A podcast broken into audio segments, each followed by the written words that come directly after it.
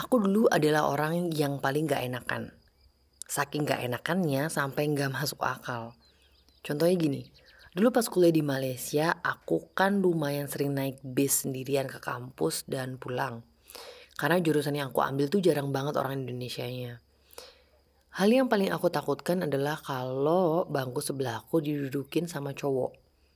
Gak sembarang cowok ya, tapi a particular race.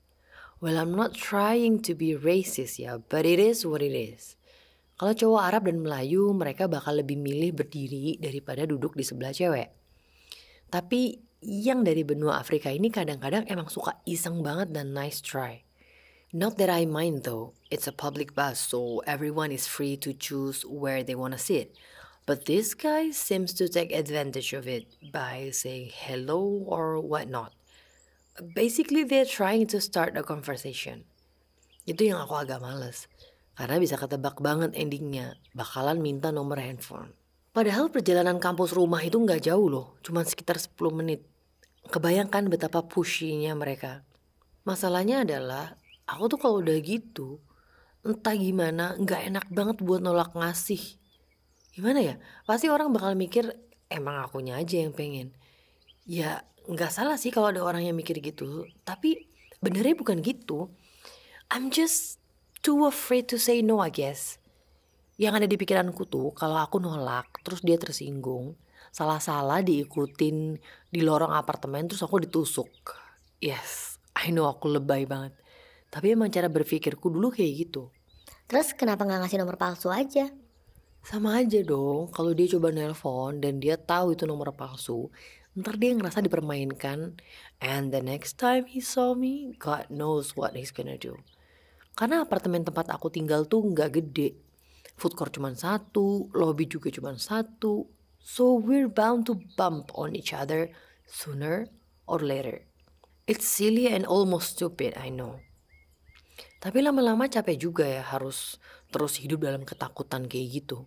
Sampai akhirnya punya teman yang dia keras banget ngajarin aku untuk bisa berani say no and convince me that nothing will happen insyaAllah.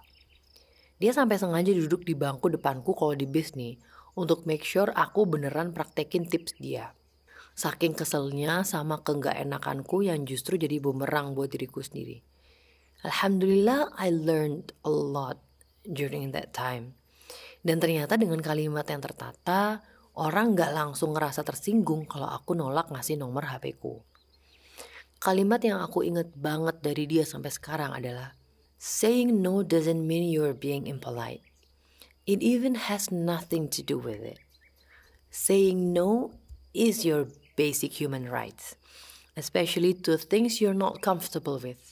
Because by doing so, you create boundaries.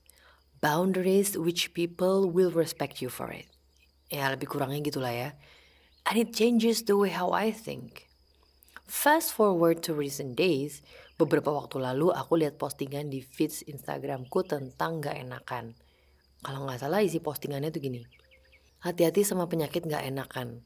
Paman Nabi Shallallahu Alaihi Wasallam nggak jadi masuk Islam gara-gara nggak enak sama kaumnya. Well, aku tahu sama konsep nggak enakan, tapi aku belum pernah dengar cerita tentang paman Rasulullah Shallallahu Alaihi Wasallam yang disebutkan di postingan itu.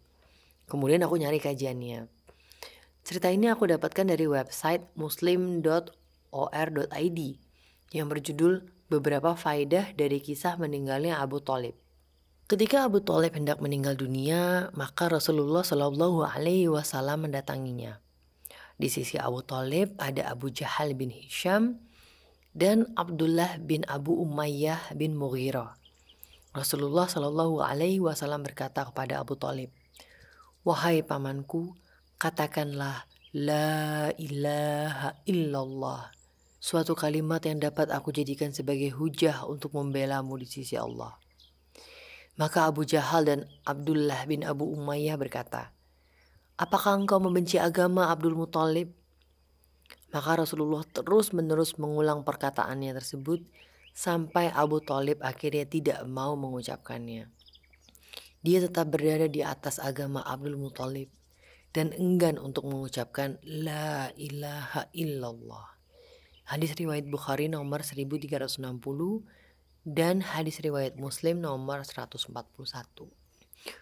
Salah satu faidah yang bisa diambil dari cerita tersebut adalah pengaruh jelek dari teman pergaulan yang buruk. Oleh karena itu, hendaknya waspada dan menjauh dari bergaul dengan teman-teman yang berpotensi membawa kejelekan. Abu Talib enggan mengucapkan kalimat tauhid karena ketika dia sudah sakit parah dan hendak meninggal dunia, dia ditemani oleh teman-teman yang buruk. Oke, itu tadi hanya potongan dari artikel yang Masya Allah cukup panjang dan daging semua isinya. Tapi aku mau fokus ke obrolan kita hari ini tentang nggak enakan.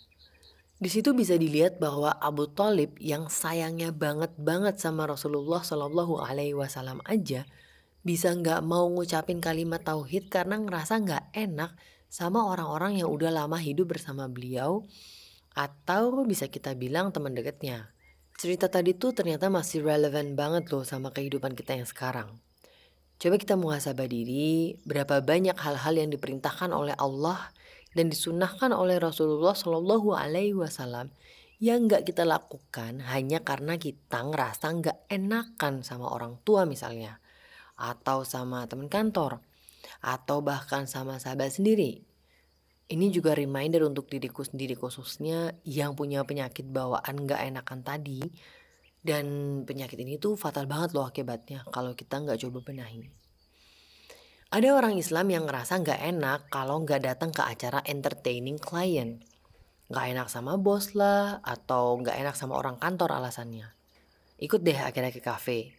Sampai sana buka botol dan dipaksa-paksa sama klien untuk minum biar seru. Terus karena nggak enak sama klien, akhirnya ikut minum, padahal tahu bahwa itu nggak boleh dilakukan.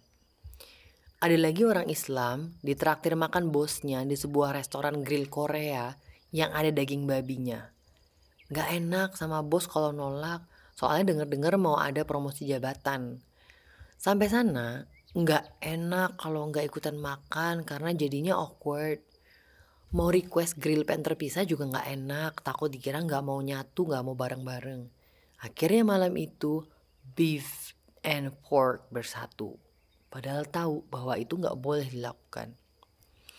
Ada lagi laki-laki Islam udah menikah, punya klien perempuan, klien project gede nih, dan dia project officernya. Si klien ini suka manggil say babe gitu dan suka ngajakin meeting over lunch berdua aja sambil minta jemput dan anterin kembali ke kantornya. Gak enak nolaknya karena kantor butuh project ini. Akhirnya sering lunch bareng naik mobil berdua dan iya iya aja kalau dipanggil saya atau babe. Gak enak ah mau nyuruh dia manggil pak atau nama. Toh itu cuma sekedar panggilan aja gak lebih. Padahal tahu bahwa itu gak boleh dilakukan. Ada lagi orang Islam yang punya geng ngebolang atau jalan-jalan. Waktu road trip dan udah masuk jamnya duhur, mau minta berhenti gak enak. Karena gak ada yang minta berhenti juga ntar takut dianggap nggak asik dan bikin lambat perjalanan. Terus mau sholat di mobil nggak enak ntar dianggap soalim. Akhirnya ya udah lewatin aja. Padahal tahu bahwa itu nggak boleh dilakukan.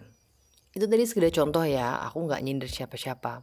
Kalau ada yang spot on yaitu udah takdir dari Allah tapi emang itu kan yang normal banget terjadi zaman sekarang. Apalagi di tengah terpaan kata-kata radikal, intoleran, yang diabuse sesuka hati yang ngomong, bikin rasa nggak enakan kita itu makin gede.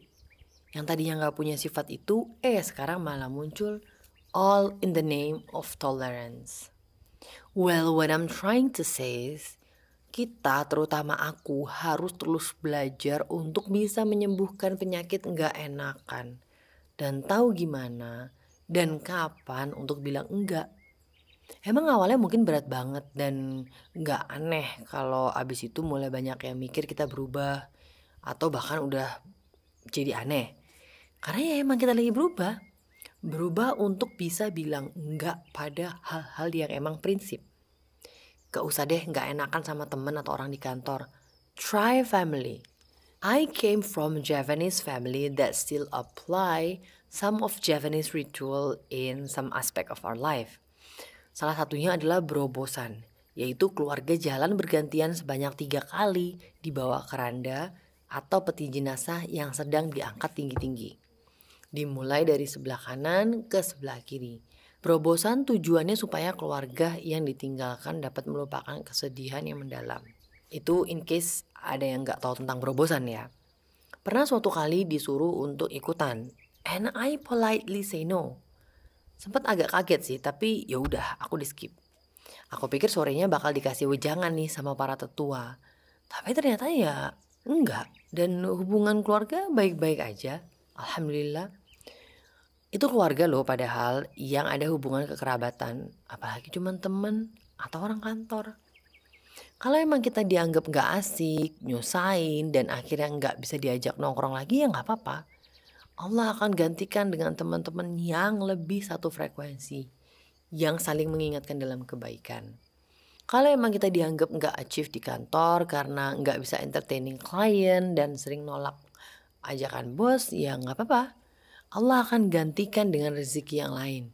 Yang lebih berkah dan lebih banyak lagi insya Allah. Gak enakan sama orang lain dalam hal-hal syariat agama gak akan nambahin pahala kita. Gak akan membantu kita untuk bisa menggapai ridhonya Allah. Ingat-ingat lagi cerita paman Nabi tadi. Bayangin, mau ditalkin sama Rasulullah Shallallahu Alaihi Wasallam aja gak mempan karena rasa gak enaknya. Apalagi kita yang lemah iman ini. Semoga Allah beri kita kekuatan untuk terus berada di jalannya. Amin.